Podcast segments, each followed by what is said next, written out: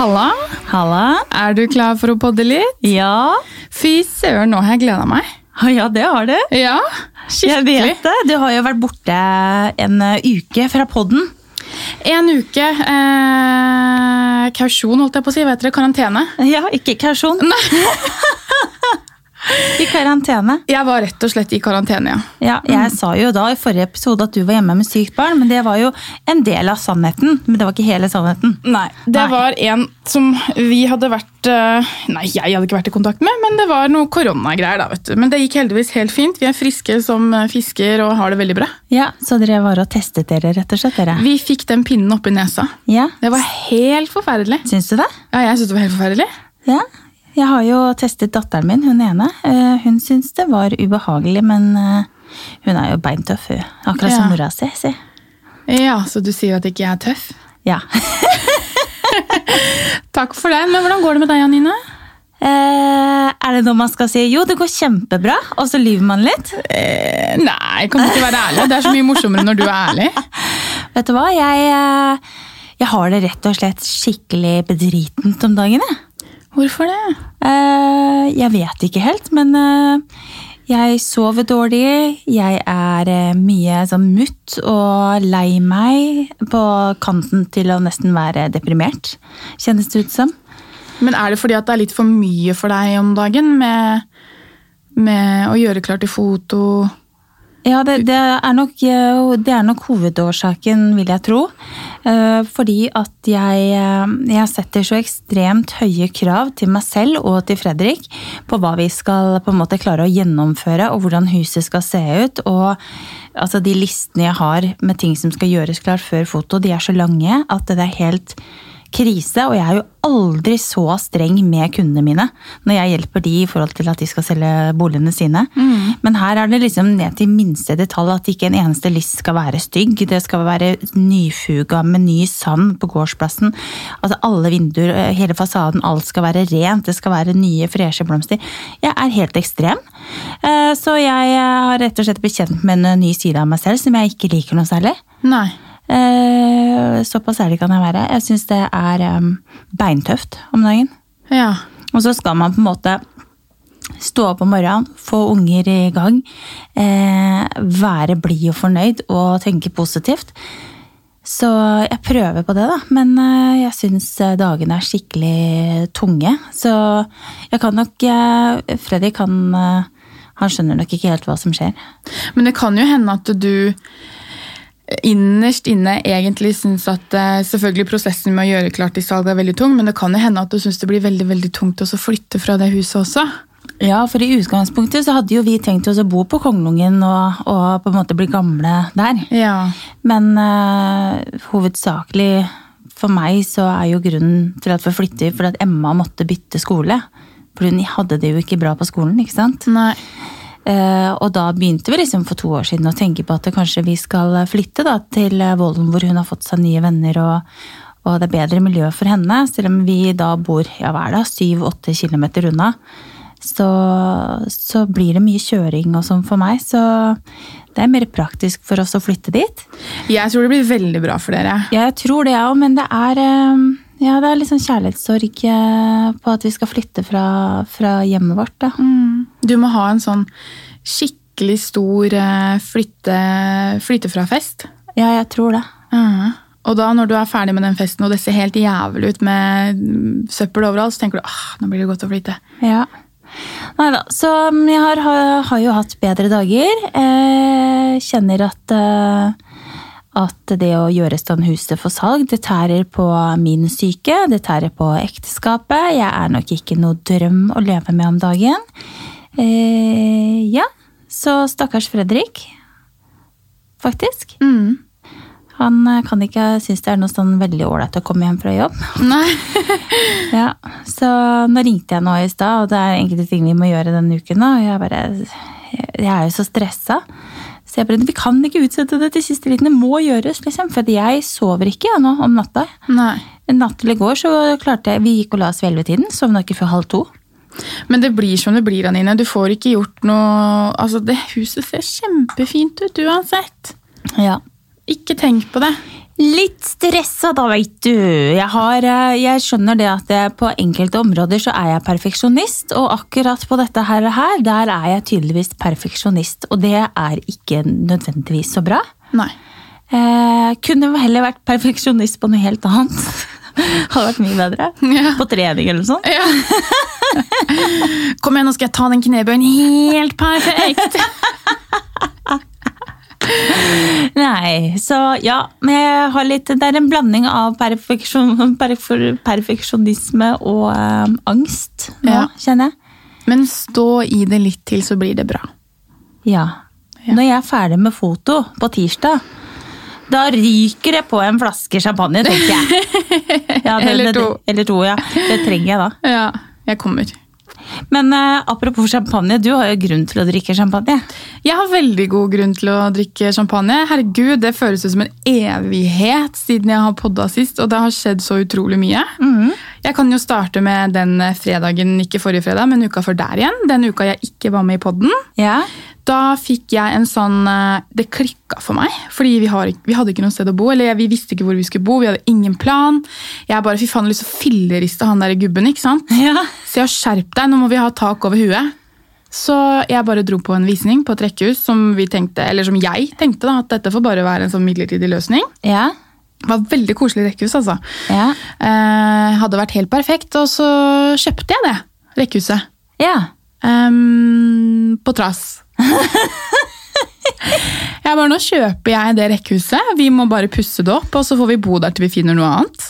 Ehm, og så to timer etterpå så mista jeg det på forkjøp, faktisk. Ja, det var kanskje meant to be. Jeg tror det var meant to be, men det var sånn, jeg var på vei ned for å hente nøkkelen for å ha med håndverkerne inn, og Thomas var med på det, så han var med å kjøpe det han òg. Men uh, og akkurat det jeg står utenfor med megleren, så bare nei, det blei tatt på forkjøp akkurat nå.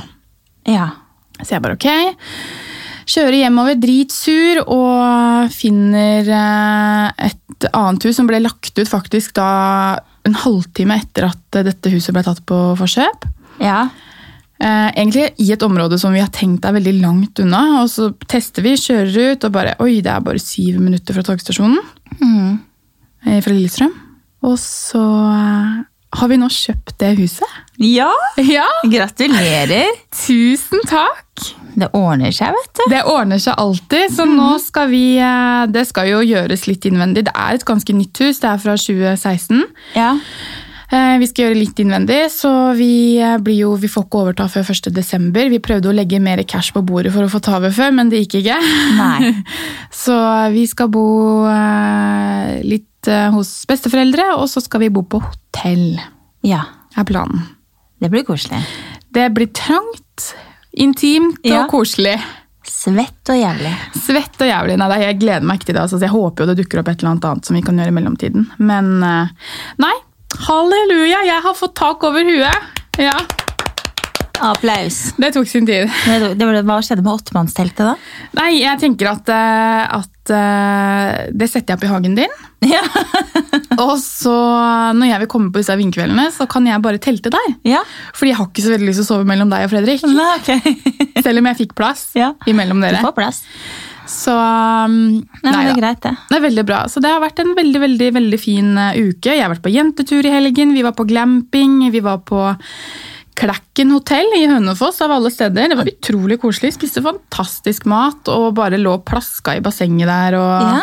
sov. Jeg sov så mye den helgen. Så deilig. Jeg var så sliten. Du har gjort rake motsetning av meg, da. Ja, altså du, Jeg er eh, overlykkelig, og du bare er på randen til sammenbrudd. Ja, jeg går snart ned under jorda, jeg nå. Ja. Ja. Men alt går bra. ja, det prøver jeg å si til meg selv òg. Mm. Mm. Jeg har enda en glad nytt- en nyhet også, jeg. Nei! Jo. Hva da? Nå var du spent, nå! Ja. Nei, jeg bare er så glad, fordi vi har jo venta og venta. Du vet jo, ikke sant, vi bygger jo hytter. Ja. Og endelig, i dag har laftingen av årets første hytte starta. Nei! Et halvt år forsinka pga. Korona. katta. Så nå gleder jeg meg så mye til å kjøre den dritkjedelige veien opp til Trysil i morgen og bare lukte på tømmeret og rydde etter de der rotete karene. og Å, deilig, da. Ja, livet er herlig. Men eh, ja. Stakkars deg. Jeg skal faktisk på hytta i morgen selv. jeg. Oi! På roadtrip all by myself. Å, da ville jo jeg egentlig vært med. Ja. Nei, så det, det blir deilig, det. Ja, det tror jeg du har veldig godt av. Tur-retur uh, Mustadseter på en dag. Skal du hente stæsj? Jeg skal hente noe stæsj til eh, foto. Men du, vet hva? Vi skravler og skravler og skravler, men vi har jo verdens kuleste gjest på besøk. Gjett om jeg skal grave litt i hennes hjerne. Ja, det tror jeg jeg tror det er veldig mange som egentlig skulle ønske at de hadde en del av hennes hjerne Ja. plassert i sin egen. Ja, for denne ukens gjest er jo Therese, Ja, Therese Knutsen. som er hagedesigner Ja. og interiørdesigner. Mm. Nå skal jeg gå og hente henne, Ja. så bli sittende. Ja. Velkommen, Therese. Tusen takk. Dette er så gøy. Ja. Jeg har gleda meg så utrolig mye til denne episoden. Ja, jeg gleder meg til å komme og være med dere. Ja. Kan ikke du bare fortelle litt kort hvem, for de som hører på, jeg tipper jo de aller fleste vet hvem du er, men hvem er Therese? Eh, nei, jeg er vel eh, egentlig en eh, interiørdesigner som har eh, eh, nå begynt de siste åra med å også ta med meg uteområdet når jeg jobber. Så nå jobber jeg som interiør- og hagedesigner. Ja. Og med prosjekt sånn over hele landet, egentlig. De flotte hagene, da. Ja, Så kjekt at du syns det. Men hvilken del av jobben er det du liker best? Liker du interiørdelen, altså det innvendige huset, eller hagedelen? Eh, vet du, nå har det på en måte blitt litt naturlig at det har gått mer over til å være ute. Eh, og det er egentlig bare en sånn naturlig vei det har tatt uh, uten at jeg har gjort noe sånn spesielt valg i forhold til det. Men uh, nå i det siste så merker jeg jo at jeg syns det er veldig gøy og litt andre utfordringer å holde på med uteområdet. Eh, pluss at jeg nå har en del prosjekt som er både inne og ute. At jeg begynner med å hjelpe kunden inne med interiør og farger og møbler og material og sånn, og så tar vi det videre ut i hagen for å få en helhet på hele boligen, da. Både inne og ute. Mm. Kan jeg bare spørre, Er det her bare en interesse du har hatt hele tiden, eller har du en utdannelse som anleggsgartner, eller er det ikke det man ofte kan ha? Eh, jo, altså selvfølgelig. Du, jeg har jo ikke noe, eh, noe utdannelse som, eh, som eh, gartner eller som eh, anleggsgartner eller noe sånt. Så det er alt det jeg har eh, lært meg, og som jeg driver med ute, er jo sjøllært. Ja. Eh, med at det kanskje det begynner med at du blir interessert i din egen hage. Sant? Vi hadde en rekkehushage når vi bodde i Oslo for tolv år siden, som vi opparbeida og ble veldig glad i og lærte underveis med den. Og så har jeg svigermor som er kjempeflink med hage, mm. så hun har jeg lært masse av. Og så eh, er det noe jeg kommer til kort med, spesielt på sånn teknisk ting med, med material eller med, med beplantning og sånn spesielt, som er jo et eget fag og veldig masse du må lære om. Så tar jeg med meg gartnere eller landskapsarkitekter i min prosjekt, sånn at jeg, får inn den ekspertisen som trengs. Ja, det er veldig lurt, da. Man kan jo ikke nødvendigvis ikke kunne alt. Og så er det jo også forskjell på hva slags planter man kan bruke der du bor nå, på en måte, i Ålesund kontra i Oslo. Det er jo ulike soner hva som fungerer rundt omkring. Ja, selvfølgelig. Selvfølgelig. Er, altså, noen er litt sånn som går an i hele landet, fordi vi, vi bor i, i Norge, på en måte, så det er nå det med at det er kaldt, kalde vintre og ikke så veldig varme somre og sånt. Men så er det jo selvfølgelig regionale forskjeller som vi må ta hensyn til. da. Og da er det jo veldig greit at det, de prosjektene jeg har, så tar kunden gjerne med seg mine forslag eh, til sin lokale at sitt lokale gartneri eller gartner, og så får han da veldig sånn lokal hjelp, da, for de har gjerne prøvd ut litt forskjellige planter i de sonene de, eh, de Ja. bor i. sånn at det, For da får de et, et, et, tegna forslag fra deg på hvordan hagen kan se ut, og så kan de ta med den til Ja, og Ja. så har jeg jo også selvfølgelig med eh, forslag til planter som jeg syns kan fungere, og sammensetning av dem, og så går de da til, videre til, eh, til gartneren og får stor, hva type, hvor mange planter de trenger, og litt sånne ting, da. Så spennende. Men Therese, jeg har jo sett en del på bildene dine at du For meg så ser det ut som du er veldig glad i ulike hoster. Stemmer det? Er det noe spesiell forkjærlighet for de?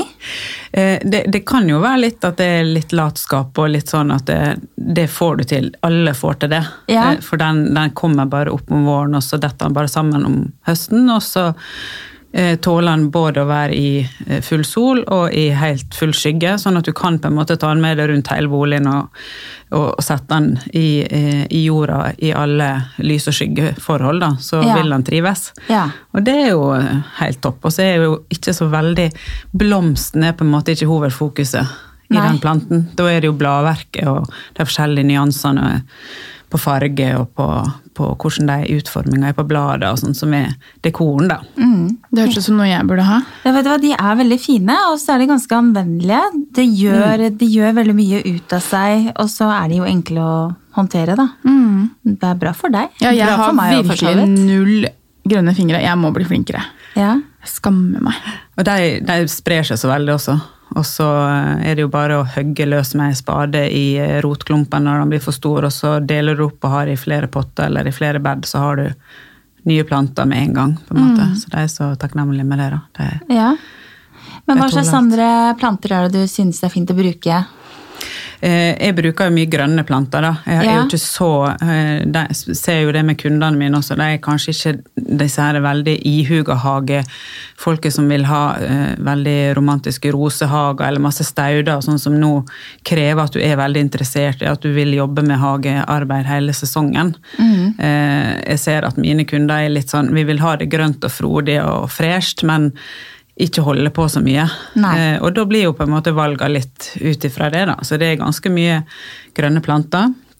Mye forskjellige typer bladverk som da er dekorative, og så har jeg nå kanskje en forkjærlighet for litt sånn buksbom og sånn, da, som du kan formklippe og få litt struktur på, og så blande det med, med prydgress, eksempel, som du får i så vanvittig mange forskjellige typer. Mm. og lave og høye, og de er liksom i tueform, eller de sprer seg og blir kjempestore eh, felt med, med gress og sånn, som er Ja, det er litt sånn naturlig å få denne her miksen av noe som er veldig sånn stramt og klipt, og så sammen med noe som er veldig mykt og duvende. Og Ja. Jeg synes det er Som, er litt, som det er litt bevegelse i? ja, jeg syns det kanskje er, er like, så kan være like så fint som at det skal være så veldig mange forskjellige typer blomster. Da. Ja. Men du er jo veldig flink til å Nå begynner jo jeg med ny hage, som jeg har jo ikke peiling på hvordan jeg skal starte en gang. Men det er jo da et stort område, da. Og så er det jo sånn som alle, de aller fleste har det. Du har en platting, da, så har du masse grønn hage og et gjerde. Men du er så flink til å dele opp i soner. Hvordan er det du tenker underveis når du skal dele opp i soner? Eh, Jeg tenker at det første, det første man må begynne med, er eh, funksjon. Da. Det, må, det må alltid være funksjon først. Det er, jo, det er jo selvfølgelig supert at det ser fint ut, og at det, at det, ja, at det visuelle er pent. Da. Men mm. det, det er veldig lurt å først begynne med funksjonen, og så begynne litt med eh, hvor eh, rundt huset du har de forskjellige sonene. Hvor er det naturlig at du sitter og spiser middag, for eksempel, da. Eh, Vil du da ha eh, sitte i sol, eller vil du ha litt skygge der, kanskje? Eh, se litt på det, og være vær veldig bevisst på hvor du velger å, å ha de ulike sonene. I Kveldssola vil du kanskje ha en type lounge-møblement, eller eh, kanskje en pergola med litt tak over, så du kan sitte der eh, utover selv om det regner, eller selv om det er sol, sol, eller sterk sol. da. Eh, og finne litt ut av de tinga før man går i gang, og gjøre en, en god research i forkant. tenker jeg er lurt, da. Eh, og så finne ut eh, om du er sånn av den typen som gjerne da vil ha kanskje et utekjøkken og, og stå ute og lage mat. Er det hensiktsmessig? Er det lang vei til kjøkken i forhold til der hagen er plassert? Det er jo litt greit å vite. Men burde man plassere det utekjøkkenet eh, i nærheten av altså verandadøra? Burde man tenke noe sånn spesielt der, eller er det Eh, Det, det tenker jeg litt i forhold til hva som er inn, innenfor inne i huset. da. Hvis det er i nærheten av kjøkkenet, og du har ei dør ut fra spiseplassen eller fra kjøkkenet, og sånn, så er det på en måte, da er det kanskje ikke så stort behov for at det er et fullt utrusta kjøkken med vann og, og, og sånne ting.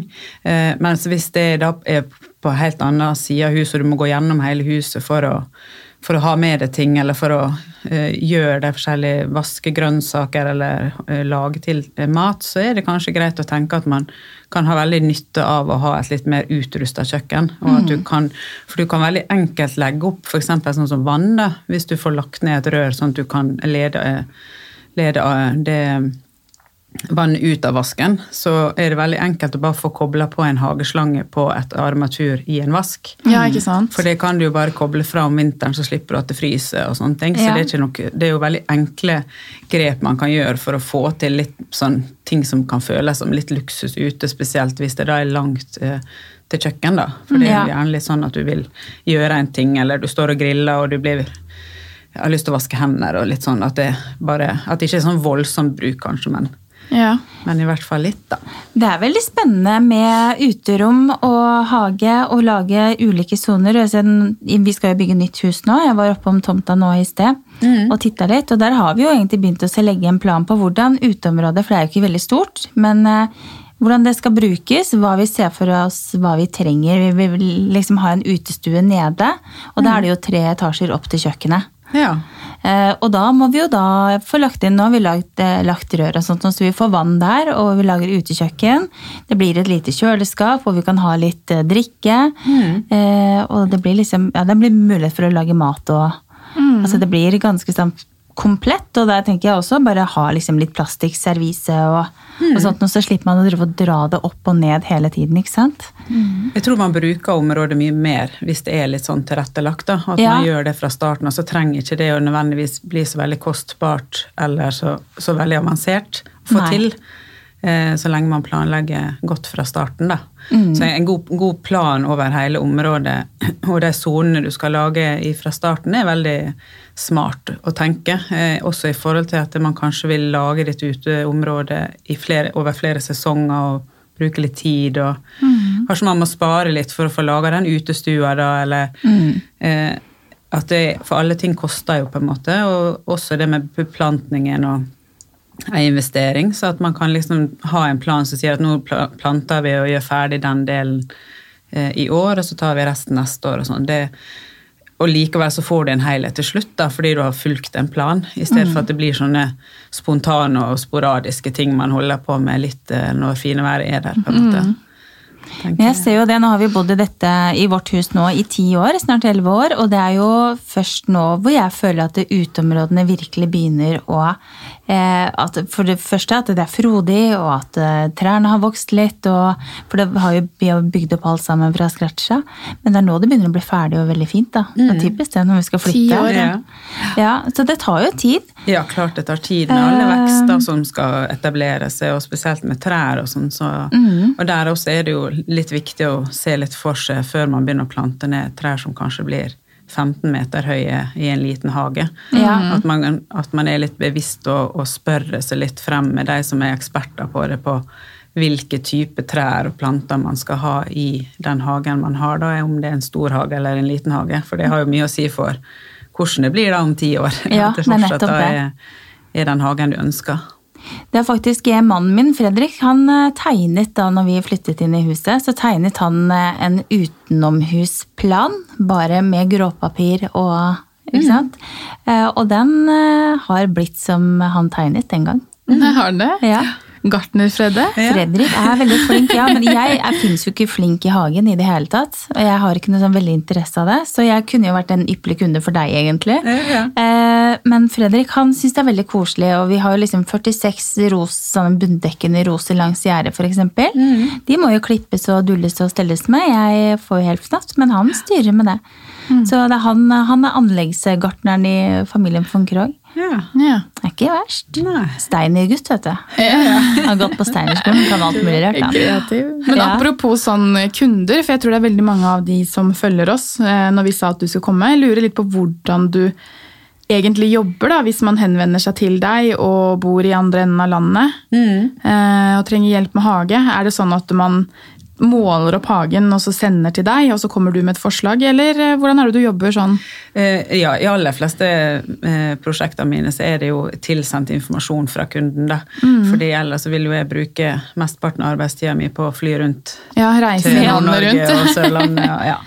Så, så da har jeg jo på en måte nå etter mye erfaring så vet jeg hva jeg må spørre etter, og hva, de, er- hva jeg må ha av informasjon for at jeg i det hele tatt kan ta på med oppdrag. Det er jo mange jeg ikke kan ta på med oppdrag fordi eh, grunnlaget er, er ikke godt nok. da. Tegningene er ikke gode nok, eller oppmålingene er ikke gode nok. eller sånn, Så det er okay, Ok, Da må man tegne, eller da, hvis, da kan man måle over på nytt, eller hva?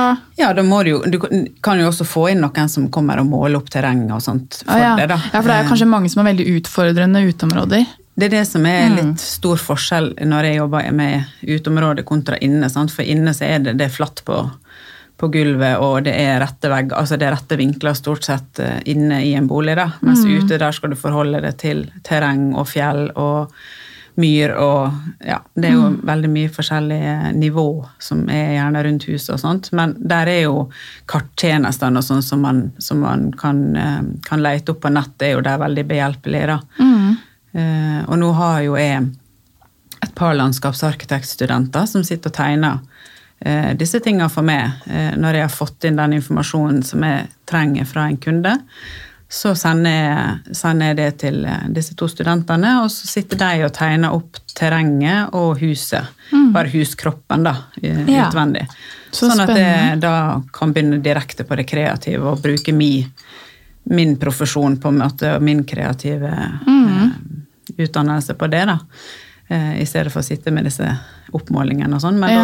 da, da har jeg noen som vet hvordan jeg skal finne ut av det på, på karttjenester og sånn. Så det, det er en veldig stor hjelp til meg, da. Som Som gjør at jeg nå får gjort unna litt flere. Hjulpet litt flere. Ja, Det er jo en investering da, å få disse tegningene. De, de fleste klarer jo ikke å få, få det helt sånn som man vil. Eller sånn som de tegningene sier, kanskje. Det første året, men man kan jo følge disse hvert år, ikke sant? Mm. Ja, det er akkurat det. jeg ser er det eh, For meg, jeg tegner jo aldri noe i 2D lenger. Fordi at jeg ser nytteverdien i å Jeg jobber i 3D også. Jeg skisser ingenting på papir lenger. Jeg går rett i 3D-modus, liksom. og te- og- For da får jeg alle vinkler, og jeg kan snu på ting. og Nettopp fordi det er så mye nivå og sånn ute. Eh, Og det er også veldig nyttig for kunden. Har jeg jo, eh, ser jeg jo noe av erfaring at det, det er så mange av de som da skal gjøre jobben, gjerne anleggsfirmaer eller sånn som, som sier at det er så nyttig for deg å ha eh, de 3D-utsnittene, de 3D-modellene som kunden min får i en presentasjon, da. Og kunne, bruke det til, til å visualisere for de som skal bygge det, hvordan det skal se ut, og hva som er tankene mine bak det.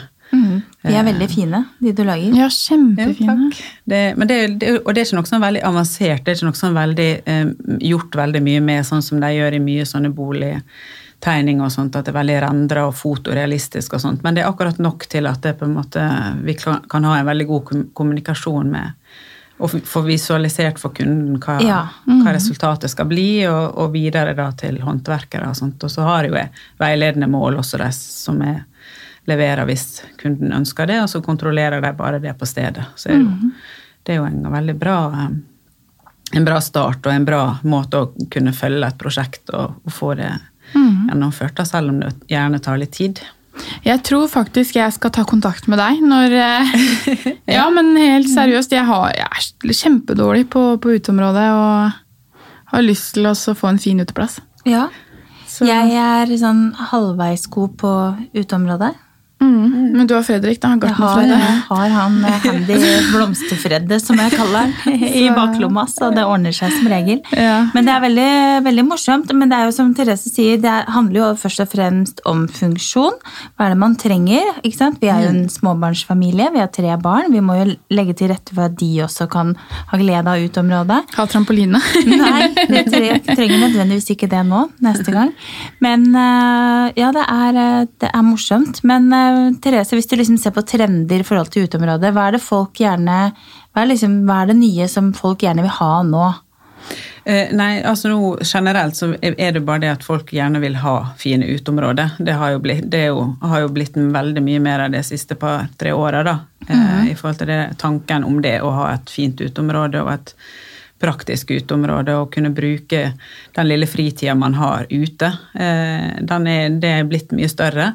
Men sånn som det at vi bor i Norge, gjør at det, det å ha en plass med litt tak, eh, om, det er bare et mobilt tak eller et fast tak, eller sånn, er, er kanskje det jeg gjør mest av eh, i en, en, en sånn planlegging av et uh, uteområde, at det der også er soner som er beskytta mot regn og vær. Og, altså mer det enn sol. Altså Ja. i, i, eh, ute i Europa, i Italia Frankrike og sånn, så bruker man kanskje en type pergolaløsning for å skape skygge, sant? fordi det er så mye sol, mens her lager du no, noe tilsvarende, men som har et tak som tetter når det regner og Mm, ja, for vi har jo og sånn, mye sant? forskjellig vær. Ja, det er, og det er veldig hyggelig. Vi lagde jo utstue i hagen for noen år siden. Mm. Eh, Og der har vi jo varmelamper, og det er jo så hyggelig når det er liksom pjuskevær på en eh, sommerkveld, å sitte der inne, drikke litt god vin og Da sitter, er man på en måte ute, selv om man sitter i utestua, da. Ja, hvis man da plasserer det i uterommet, sånn at man kanskje har veldig mye grønt og litt sånn frodig eh, helt tett inntil, eh, inntil det, det man har laga av utestue eller pergolaløsning, så føler man mye mer at man er i uterommet, da, enn at man bare sitter inne. Da kan man jo like godt sitte inne hvis man Ja, så vi har jo da laget tre vegger, og at det er åpent Ja. ut mot hagen, da. Så Ja, der er jo masse man kan gjøre med det. Nå er det jo så mange løsninger med foldedører eller skyvedører eller ja. glassfelt eller screens eller hva som helst som, som eh, man kan bruke for å skjerme seg. Eh, uten at det nødvendigvis trenger å ha et fullisolert hus. da. For det vil jo bli veldig kostbart, og det er jo ikke alle som har muligheten til å bygge det heller. eh, Fordi de kanskje ikke har eh, mer utnyttelsesgrad på tomta si, f.eks. Mm. De har ikke lov å bygge mer Nei. rom. Det er mange som kjenner til den, tror jeg. Ja. Ja. Det er jo viktig, da, selvfølgelig, før man går i gang med et sånt uteprosjekt, er jo å finne ut hva man har lov til å gjøre, og hvor nærme grenser man kan bygge høye ting og lave ting og, og disse tinga her, sånn at man slipper å rive ned ting eh, i etterkant. Som, Ja, det er kjedelig å sette opp den, eh, det prosjektet, og så to uker senere så bare det må ned. Ja. Men eh, merker du det, er det noen av kundene dine som på en måte med, Jeg tenker på badebasseng, de har jo tatt litt sånn av denne sesongen her. Mm, ja, det har jeg òg merka at det, er denne sesongen her er helt eh, voldsomt med forespørsler på uteområdet med basseng. Ja. Ja, så Men nå er skal vi jo viktig. være hjemme nå, vet du. ja. I hvert fall i år, hvor vi ble tvunget til å være hjemme. Men mm. jeg tror faktisk at vi i årene fremover kommer til å feriere mer i Norge. Ja, det er, det er Ja, og det har si. jo eh, i hvert fall boosta den, eh, den tanken om å også bruke sitt eget uteområde mer. Og, ja, folk Ja. pusser jo opp både inne og ute i år eh, Ja. av koronasituasjonen som har vært nå. Sånn, da. Ja. Mm. Men Kristina, du har vel kanskje fått inn litt spørsmål også du, til eh, Therese? Mm, vi har plukket ut noen eh, få spørsmål her. Ja? Eh, og en som heter Pia, lurer på hvordan få en lun hage på lavt budsjett. Ja, eh, men da tenker jeg at eh, da må man jo kanskje prøve å sette opp Tenke at man kan lage litt vegger eh, i, et, i uteområdet. Selv om det ikke er et ikke er så stort område, så virker det nesten litt større hvis du har laga det med litt delinger og kanskje no, Det trenger jo ikke å være fysisk en, en, en bygd vegg. Du kan jo lage bare ei ramme og så få klatreplanter til å klatre sånn at det blir en vegg, eller sånn at du på en måte skaper litt le for vind og får innsyn og sånn uten at det nødvendigvis må bygges så mye. Mm. Eller at man setter opp en, en liten lettvegg bare i, i noen deler av hagen som gjør at du kan sette det på en måte inn i en krok og føle at, du er, at det er litt lunt, og at, det, at du er skjerma både fra vær og fra innsyn fra naboer og sånn. For vi bor jo tettere og tettere nå, og det, det krever på en måte litt mer skjerming.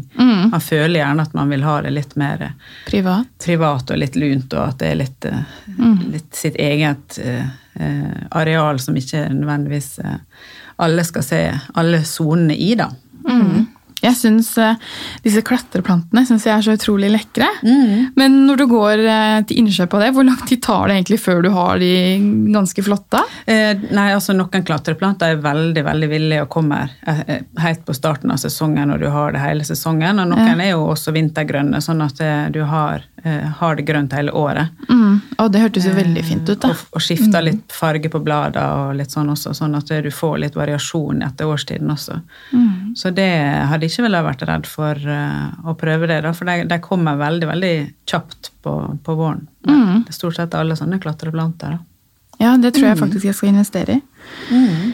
Og så er det en som eh, lurer på om du har noen tips til å få altså samle trådene og få et mer gjennomført og spennende personlig uterom.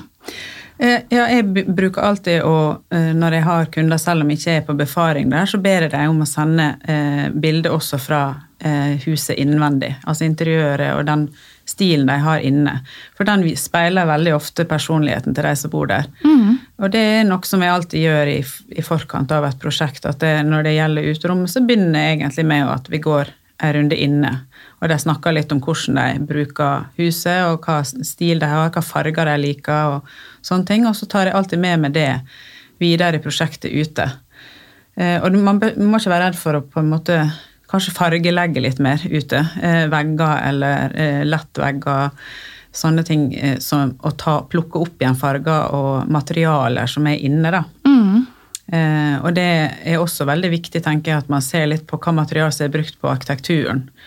Eh, og hva type stil er det på arkitekturen, og at man da viderefører den når man eh, skal lage forskjellige plantekasser eller levegg eller utestue eller sånt ute, at det tar igjen de materialene som er på huset.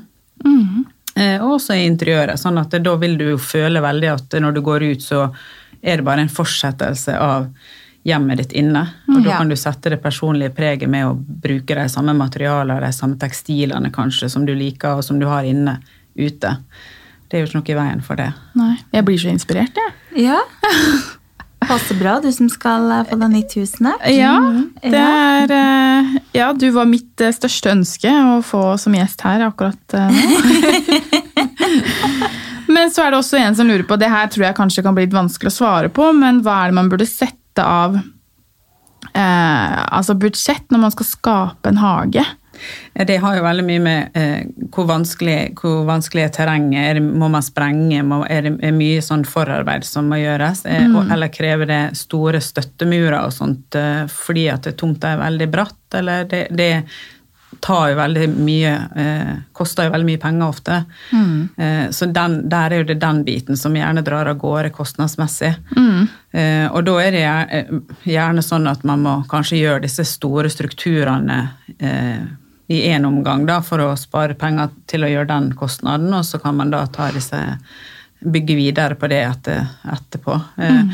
Så det er veldig, veldig vanskelig å si noe, eh, noe om eh, Men altså en hage på 150 200 kvadrat eller sånn, som er kanskje en, en normal hage nå, når, når man har ofte veldig lite uteområde, så, så vil man kanskje kunne bruke både 200 og 300 000 på det.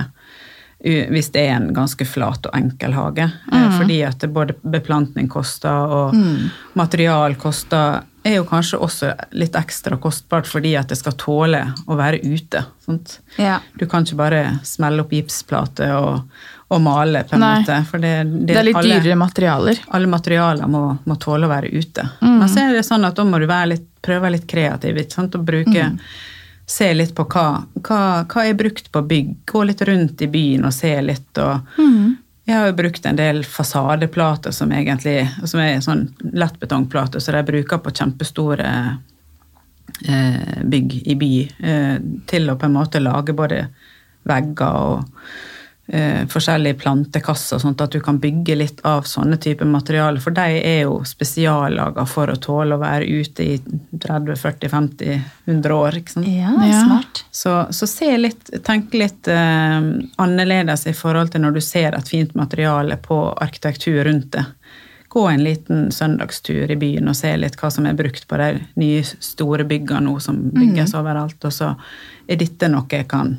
Og det er jo ikke verre enn at du da kan ta kontakt med, med det byg, de som holder til i bygget og spørre etter vet du hva materialet ditt er, vet du hva det heter, eller altså Man må bare være litt fremoverlent og prøve å Ja. finne ut av litt ting. Ja. Eh, Så kan man faktisk eh, få gjort ganske mye kule ting som også er litt mer personlig, da, fordi at du har kommet på noe som, som ikke bare er å bruke sånn eh, terrassebord eller eh, spiletre eller sånn. Ja. som vi gjør, da. Jeg ser det er mye stål som blir brukt nå. Hva heter det? Kort, eh, kort ja. Ja, mm. det også bruker jo du litt sånn elementer av i Eh, Ja, det, i de hagene det passer, eller Ja. til der kunden eh, liker det. da. Og det er nå et materiale der du, du har en viss kontroll på hvor, hvordan resultatet blir, for du det, det ruster jo naturlig ute, og så når det, jeg har fått den patinaen du ønsker, så er det bare å ha på siler, så beholder du den, eh, det uttrykket. Eh, Sånn at da har du på en måte noe som, som har fått litt liv, og som litt eh, ha litt karakter, da. Mm. Mm. Stilig. Men det er veldig viktig. Jeg ser det mange nå som som, eh, som får ordna seg ting i kortenstål, og så eh, lakkerer de oppå det.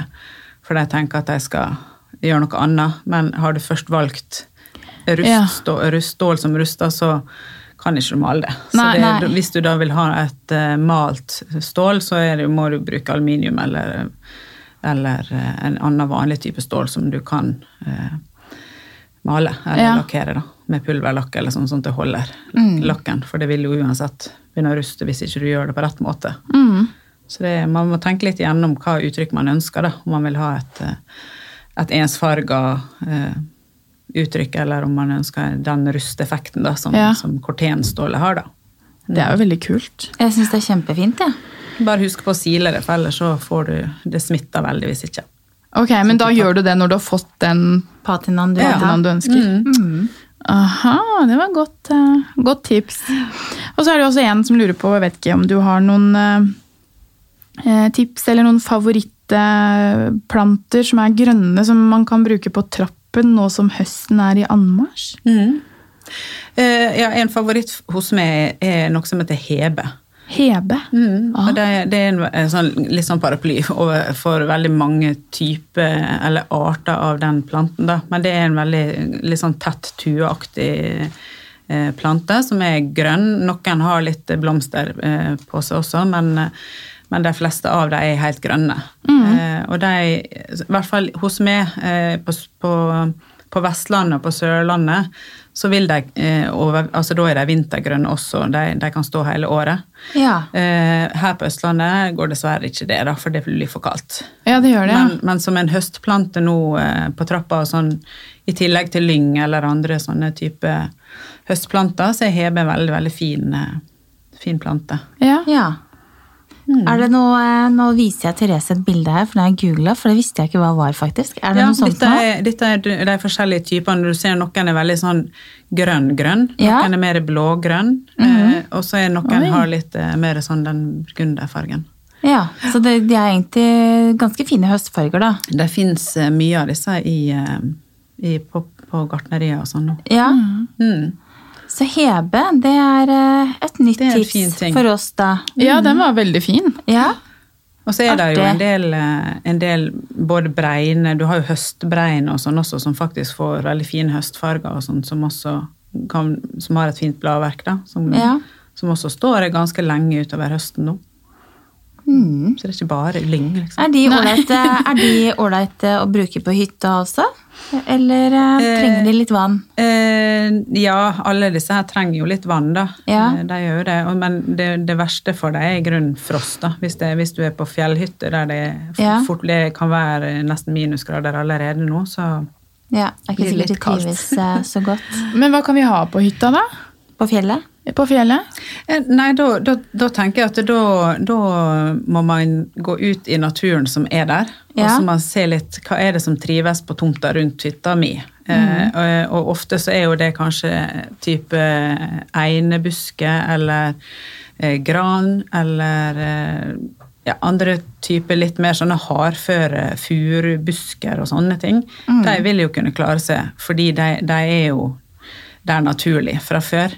Så der kan du jo gå, eh, enten gå ut i skogen og ta med deg hjem en eh, Hvis du eier Ja. det sjøl, Ja.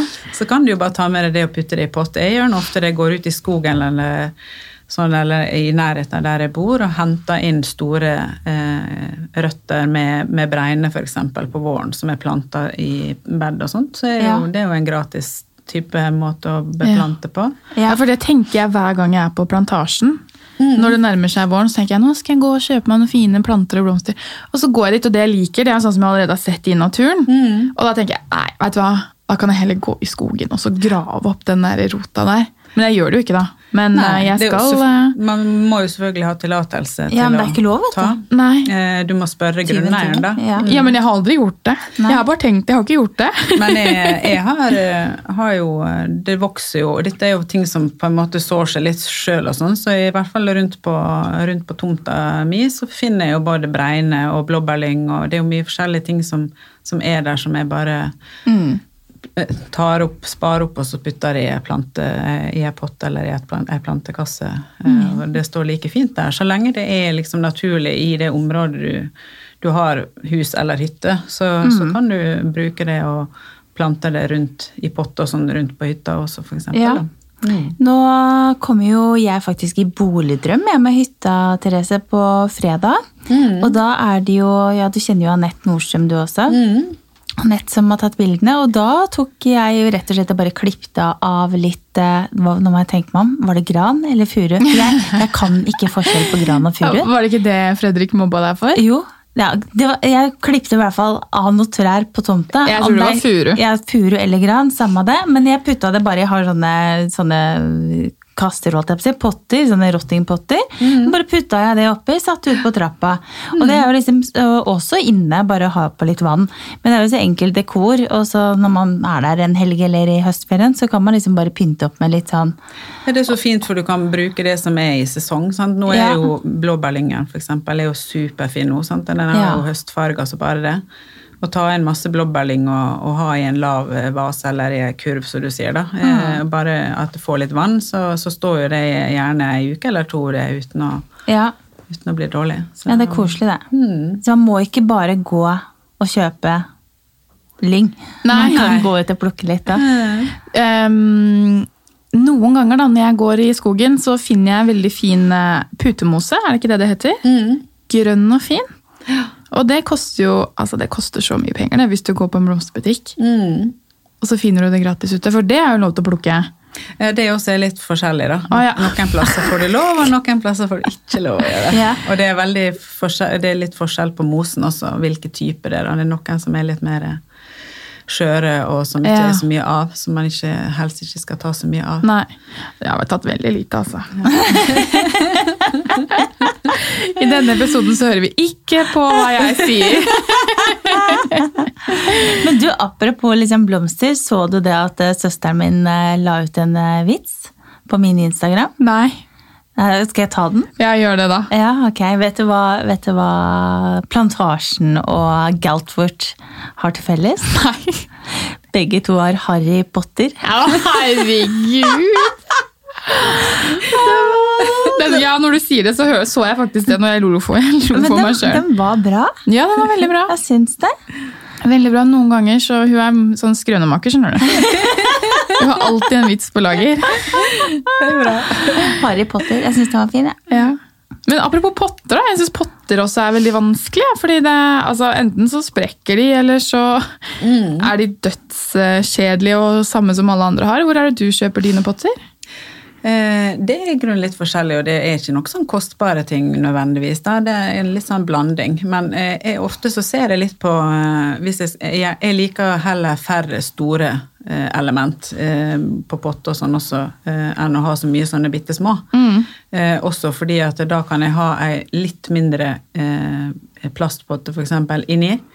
Sånn at det blir en liten avstand til den ytterpotta, som da gjerne kan sprekke hvis det blir frost og sånn, fordi vannet utvider seg, så sprekker jo pottene. Mm. Men da, hvis du da har ei innerpotte inni som er litt mindre, så er ikke det kontakt, det er ikke vann som er i kontakt med den ytterpotta, og da står jo den i sesong etter sesong uten å sprekke. Jaså, du. Så du potter i potter, du. Ja, men Det var jo faktisk et veldig godt tips, for det er jo veldig mange som opplever det når vinteren kommer, og så sprekker pottene. Ja. Og så er det jo det å, å kanskje da tenke litt mer offentlig miljø. Når du da, hvis du skal ha noe litt store potter, du skal ha, fylle et område som For det er ute, vet du, så er alt virker veldig mye mindre ute. fordi at det er jo ingen altså Der er jo sånne tak. altså Det er jo et kjempestore ja. Oi. Veldig stort vo- volum ute. Sånn at det, eh, der gjelder det å heller tenke litt større ting.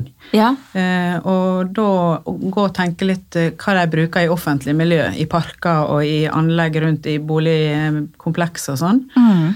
Og finne de leverandørene der, og så heller da spare til et par av de store eh, plantekassene eller de pottene som de har. Eh, og, så, og så bruke det i stedet for sånne små som du nødvendigvis kanskje da finner på plantasjen eller andre Ja. Blant alle harrypottene. Ja, disse små. Ja, men da blir det jo fort at du går og så kjøper hvert år ikke sant? flere nye sånne små potter. og så ja. blir du aldri fornøyd, og så blir noen av de ødelagte. Og så blir jo bare masse, Du bruker jo mye penger på det. Og så har jeg et veldig, eh, veldig eh, bra tips til, som jeg har brukt mange ganger både hjemme og eh, på a- a- prosjekt både eh, eh, til kunder og til meg sjøl. Og, sånn. og det er å få tak i kumringer, altså betongringer som de bruker til å legge rør i og sånt under bakken på, i kommunen og sånn. Der er masse firmaer som driver med eh, sånne betongringer eller eh, kumringer. og sånn. Ja. Det er jo tjukk betong, sånn at Ja. det, der er jo ikke bunn i heller. Så setter du det ned på ei mark, da, så har jo, kan jo røttene finne veien enda lenger ned og, og får mye mer plass. Oi. Men du får på en måte planten opp fra bakken og, Ah. og bruker det som ei potte, da. Og, den, og det kan du jo bare male i den fargen du ønsker med betongmaling, f.eks. Ja. ja. Nei, så kult. Så det har jeg brukt både som potte og som sandkasse og forskjellig. ja, veldig For du får kult. det jo i veldig masse forskjellige størrelser. Det eneste er at du da må få det levert og vite hvor du skal ha det, og Ja. gjerne få noen Ja, til å er plassere det. stort. Ja. For det, I hvert fall hvis det er en viss størrelse, så, så er de veldig tunge. da. Ja. Men eh, det, de er veldig veldig rimelige, og, og får du tak i noen sånne, så, gjør det veldig, så har det veldig stor wow-effekt. ja. Det må vi prøve å finne et bilde av, hvis du har et, har et bilde som vi kan legge ut. Jeg har jo brukt det nå eh, på en del av de prosjektene som jeg har eh, vært og spilt inn til TV nå. Ja. Men det får ikke vi se, får ikke lov å vise før Nei. neste vår igjen, da. Men Nei. eh, der har vi gjort en del av det. Eh, Og hvilket TV-program er det du skal være med på nå? eh, Tid for hage. Ja, Der har du vært eh, tidligere òg. Ja, jeg var med en gang. Da hadde det litt annet konsept og litt annen programleder. Men Ja. nå, det som ble sendt i år, var jeg jo med på. Og så har jeg nå to med som blir sendt neste vår. Mm. Og da er det Tid for hjem-gjengen som er eh, Og de er flinke. Å, Det er gøy. kjempegøy, vet du. Men hva, hva er konseptet med hagedelen? Altså tid for hage? Det, ja. nei, da er det du søker på samme måte som du gjør til Tid for hjem. Da, så har du et uteområde som du ønsker å få gjort noe med. Om det er en del av en, et uteområde eller hele uteområdet, det er jo litt avhengig av eh, hvor mye man rekker. For man jobber jo Det er jo fire effektive arbeidsdager som Ja. Ja, Men det er veldig gøy å være med på noe som går så fort, og så blir ferdig og ja. Se resultatet så, så med en gang, da. Ja. det gleder jeg meg til å se. Det er alltid veldig morsomt og inspirerende å se på disse TV-programmene hvor ting på en måte tar veldig kort tid, og så bare Ok. ja. Men der ser man jo også hvor mye fokus hage har fått de siste årene. For før så har det jo aldri vært noe særlig sånn hageprogram, men nå er jo det Ja, det er blitt mye mer av det. Ja. Mm. Så jeg tror vi eh, nordmenn har begynt å legge mye mer penger i hage enn det vi har gjort tidligere. Ja, Faktisk. gjør nok det. Mm. Jeg skal begynne å spare, i hvert fall. Ja, ja, vi har jo en fantastisk hage og eiendom egentlig der vi bor nå, så det, det får vi jo ikke Vi får ikke samme store, store hagen og sånt nå, men eh, da må vi jo være litt lure, så blir det bra det, og litt mer vedlikeholdsfritt. Ja, og så er det bare å tenke at man, man er litt praktisk i det, når man ikke har så store områder. At Man, mm. er litt praktisk og tenker oppbevaring, og kan du ja, lager du, lager du noen sittebenker og sånn, så kan du ha lokk på og oppbevaring eh, nedi, og gjøre litt sånne løsninger. Og Ja. ønsker du litt skjerming, har du da muligheten til å bygge ei lita bod, f.eks., så kan det være også en, en type skjerming som gjør at du får en, en krok som er privat, da. Ja. Og bruke, bruke sånne element som både som skjerming og som praktisk oppbevaring.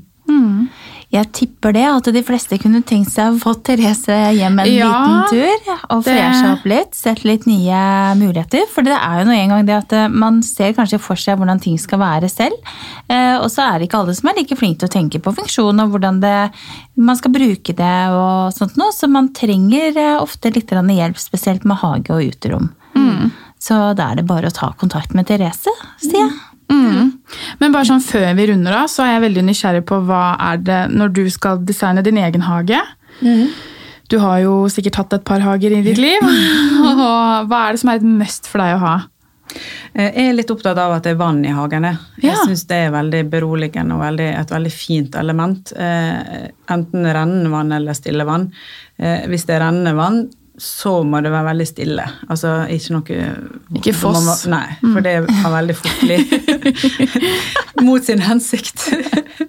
Bare litt sildring, som en bekk i skogen, liksom. Ja. Ikke noe svær fontene. Nei, men, eh, eller, eller gjerne bare stille vann, da. At det er bare ei stor blomsterpotte så du bare fyller med vann i stedet for å ha planter i, eller Sånn at du får den speilinga. For det, får du ei stor vannflate, så speiler jo den både himmelen og omgivelsene rundt, og det er veldig fint å, hvis du kan se det det vannet innenfra også, da, så kan du sitte og se på eh, at det blåser litt, eller at det blir liksom eh, rukke på vannet, eller at det, det regner, og du sitter og ser på dråpene som treffer vannflata. Det er veldig sånn beroligende element i hagen. mm. eh, Terapi. er- Det er sant, det. Jeg lager ofte store, store sånne vannelement i eh, hage, da. Og det er nå noe som har vært brukt i all tid. Du ser jo i disse store franske eh, parkanleggene og sånt, og så ser du jo store vannbasseng og sånt, som, Ja, ja, som er der bare for, for å få ei sånn speilflate i vann, da. Mm. Ja, det du vil ikke ha sånn, hva heter det, karpefisk? Nei. Hva heter det? Ja, karpe, ja. Mm, Ja, Men det er, jo, det er jo litt krevende, og de må jo også kunne gå litt dypere ned om vinteren og gjemme seg, og der ligger Ja. litt er litt- Der er det en del arbeid med det. Ja. Eh, En annen ting som jeg også syns er veldig fint, spesielt fordi vi bor der vi bor, er å ha et ildsted. da. Eh, Enten et bygd ildsted eller et mobilt ildsted som du kan ta med deg og, Mm. og sitte og, og varme det rundt når du på kveldstid. Og, ja, det er jo både dekorativt og, og veldig koselig, da. Mm, det tenkte jeg faktisk, lå og tenkte på det her når jeg skulle sove en natt, at uh, det skal jeg ha i det nye huset. Og så tenkte jeg, ok, men hvis vi skal bygge det selv, er det liksom noen regler, og skal det være brannmur bak? Altså, begynte å tenke litt sånn da, men det Ja. finnes jo veldig mange fine sånne ferdigpeiser. Ja, da du får mye sånn bord, bordpeis og sånn som er i gass, med gass og sånn som er enkel å få til, da. Mm. For hvis du, og også det at hvis du skal ha vedpeis, så, eh, så må du tenke på at det ryker, og at det, du ikke bare røyklegger hele hagen. Nei, og naboen nå. Nå koser de seg igjen. nå driver den naboen og fyrer.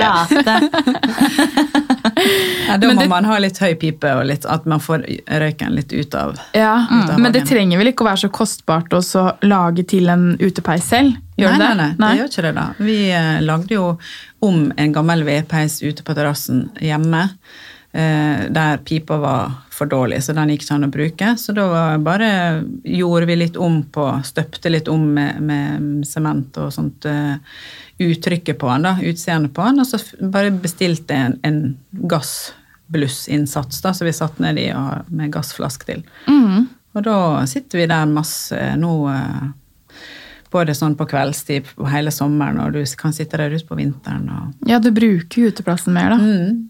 Ja, det er veldig fint eh, element i eh, Og så er det veldig hyggelig å se på også. Mm. Ja, det er det. Nå skal jeg bare rett hjem og planlegge hage. Jeg ble er- så inspirert. Ja, det er gøy. Skikkelig. Bra. Så får vi se om hun eh, tuppa her godkjenner etter hvert. da. Ja. Om det blir fint eller ikke. Nei, jeg tror nok kanskje jeg må få litt hjelp, Ja, for å være helt ærlig. Ja. Vi skulle jo veldig gjerne sitte her og skravla resten av dagen, i hvert fall jeg, for jeg er jo så nysgjerrig på dette. Jeg har Ja. lyst til å lære masse om hage. Ja, men Og så er det bare å ta seg litt tid til å hente litt inspirasjon. Det er jo så masse inspirasjon å hente og, og, og finne på nett og sånne ting også. Lage seg en liten sånn inspirasjonsmappe som man kan eh, ta med seg, for da ser man jo fort hva man liker, og kanskje klarer å holde seg til en, ja. en stil eller ja, noe som, som gjør at det får litt eh, din, din personlighet inn i det. Mm. Hvor finner du inspirasjonen din? Eh, veldig mye bare i naturen. Ja. Eh, veldig mye i skogen. og sånn, altså Når jeg er ute og går turer, og sånn, så har jeg alltid med meg mobilen i lomma og tar masse bilder. 'Oi, det, se på den breina', eller 'se på det'. Den, for den naturen gjør det er jo best. Sånn, Ja. så den sammenplantinga av forskjellige typer planter, eller sånn, så, så ser du at 'oi, det var veldig fint', det kan jeg gjenskape på en måte med hageplanter, eller et uttrykk, og hvordan du ser at det der er naturlige element, eh, fjellformasjoner eller steiner i, sammen med, da, sånn som du sier, mose eller gress eller sånne ting. Så det, det ser du veldig hvordan naturen jobber eh, med de tinga, og det syns jeg er veldig inspirerende. da. Så jeg henter veldig mye inspirasjon ute, bare sånn når jeg er ute og går eller Ja. Og så er det selvfølgelig hvis jeg reiser eller ser litt eh, Jeg prøver jo å være litt sånn på oppdagelsesferd i eh, hager som andre har designa, som, som gir inspirasjon. Og, Men også har jeg jo Pinterest, syns jeg er helt topp. Der Ja. har jeg jo både mine egne hemmelige mapper og offentlige, og sånn, sånn at det, der er, er også veldig masse inspirasjon å hente. Jeg regnet med at du hadde Pinterest. Du også, ja. Jeg har fortsatt ikke skjønt meg på det Pinterest-greiene. ja. Nei, vi skal ta en sånn eh, Pinterest for dummies. Ja, jeg tror faktisk det. Ja, For jeg trodde alt var hemmelig der, men plutselig så fikk jeg mail her om dagen at noen har lagret din pin. eller noe sånt, og jeg bare, hæ? Nei, det er en veldig bra greie. Jeg bruker det ofte sammen med kunden også. At vi deler, for du kan dele mapper med, med bare én person. Da Og da kan de sette inn de tinga de syns er fint, eller noe de har sett som ditt, er liksom noe vi har sett for oss, da, som gjør at jeg forstår bedre hva de ønsker. Mm. Så det er Så veldig, et veldig bra verktøy, altså. Ja, jeg syns også det. Veldig, veldig enkelt. Jeg skal lære deg det. Ja, takk. Ta det med ro, Kan Kristina. du gå inn i- på min, da, så kan du Ja. finne mine, mine hagemapper der, for der er nå veldig mye Masse Mange tusen bilder. Ja, ja, men det skal jeg gjøre. og Jeg skal, ja, du må gi meg et kurs, Anine. Ja. Jeg trodde jeg var den som var sånn teknisk og flink, og sånn, for jeg er yngst. Men Ja. der, så feil kan man ta. ja, ja, jeg har noen flere år på baken. Da, vet du. Ja. Fader. Nei, men det er bra. Skal Ja. vi kanskje runde av og si tusen hjertelig takk eh, for i dag? Ja, jeg har ikke lyst, men vi må jo det. Det var veldig veldig hyggelig at du tok deg tid til oss å komme hit til oss. Det var veldig kjekt å komme her og sitte og skravle litt. Ja, Veldig koselig, Therese. Og så legger vi ut eh, litt bilder på profilen vår, så de som er veldig nysgjerrige og ikke vet hvem Therese er fra før av, kan gå inn der og finne profilen din. Ja, Og ja, så er vi tilbake neste uke med ja en ny det episode. Ja. Da håper jeg at jeg er i litt bedre humør, Ja. og da er jeg ferdig med foto. Ja, tenk deg det. Da er jeg blid igjen. Åh, ja. Så, på randen til sammenbrudd. ja, jeg har, er på randen. Jeg, er, jeg har sammenbrudd. Så da, neste onsdag, da tenker jeg, da kommer jeg litt sånn småfillersjuk, for da har jeg drukket en del champagne på tirsdag, for da er jeg ferdig. Ja, Da gleder vi oss til det. Ja. Så tusen takk. Takk for i dag. Takk for meg. Ha det!